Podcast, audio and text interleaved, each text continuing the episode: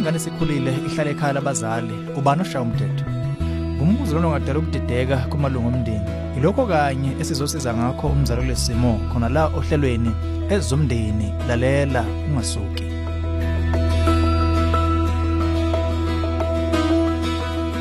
Angikubingelele umlaleli ezomndeni uhlelo ukulethela izeluleko eziphathekayo ngaba focus on the family.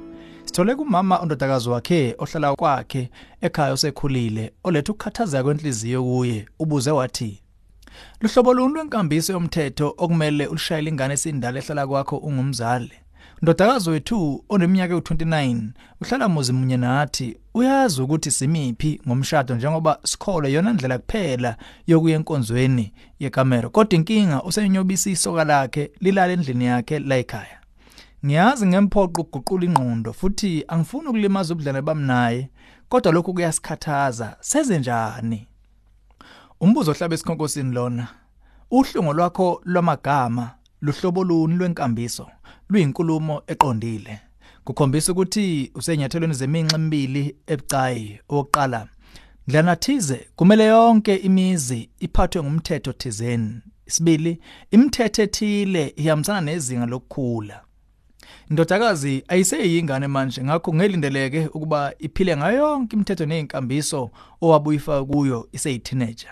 Ekwenza ngaphandle kwekhaya okwayo lokho manje. Nokho kumele iqonde nanxa kunjalo kodwa kumele ihloniphe inkambiso yegceke inqobo mase isesela ekhaya. Phela ngumuzwa wakho lo ngakho nguwo negama lokuba kuphilwe indlelani la ekhaya.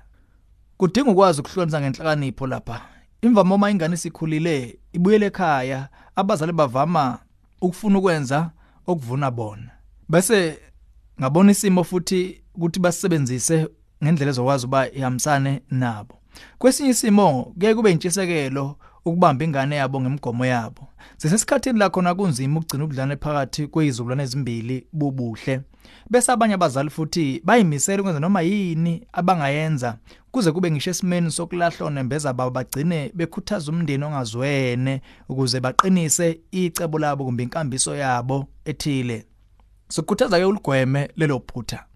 Udaba lapha uyobungalahli iqhaza lomthela wakho ngidodakazi wakho ngokuba umyalele ahloniphe imithetho yegcekela kwakho kwinkambiso yakho kwezothando uma kungenjalo ungamcela abheke enye indawo yokuhlala Ngakwenze njalo uyobugcina iqhaza lakho, uyobumkhombisa ukuthi userious ngokukholelwayo nangokuthi uzimisela ukugcina isithunzi sakho kongangokuthi ngisho kungabiza ubuhlungu bofa lobudlelwane beni. Kusena kwenza angakuthandi lokho, kodwa kungekudala kuzomela afunde ukuhlonipha. Esinye seyifundo zempilo ke lezo ongamfundisa sona kulesi sigaba sempilo. Ukhiye lapha ugudluza indlela obuka ngayo izinto. Esikhundleni sokuba undodakazi yakho njengengane kodwa manje uyibuke njengawo wonke umuntu omdala. Hlala nayo phansi uyidwebele imiqathango yokuphilisana nayo. Lophathe ngoba yona icelo ludaba nayo njengomuntu omdala. Icacise bha imithetho nenqubo yakwakho kuye ndlela yonke ongenza ngayo. Ngicacisela ukuthi inkambo ephula inkambiso yala ekhaya enjengokufaka isoka lakhe lizolala la ekhaya ngeke sanhlobo uyibekezelele kuleli gceke. Ukuthi ke ukwephula komqathango walezivumelane uyokulungisa kanjani? Lokho ke sekushela kuwe. Nokho kuhlale kunekhona lomsa nentethelelo ngisho naphakathi komastende nabaqashi. Nokho ucaciso lwenkambiso yakwakho yilo olokunika ilungelo lokumxosha kwakho uma ehlulekile ukuyigcina. Ngeinsiza nemibhalo elusizo ekubhaneni nodaba olunjena olufuze lona nezihloko eziningi zomndeni yithi jeqe ku safamily.co.za lolu hlelo ezomndeni ulethulelwe yi-focus on the family sihlangabezwa ohlelweni oluzayo.